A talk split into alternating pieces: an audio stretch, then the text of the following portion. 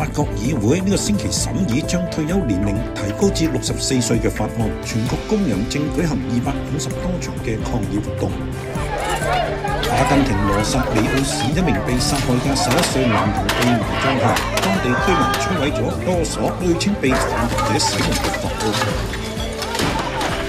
犹太人定居者同巴勒斯坦人响被占领嘅约旦河西岸城镇哈马拉发生冲突。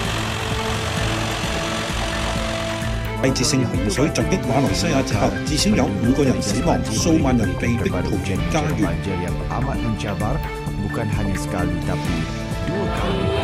巴基斯坦因新冠病毒疫情而沉寂咗兩年後，加尼奇嘅印度教社區庆祝。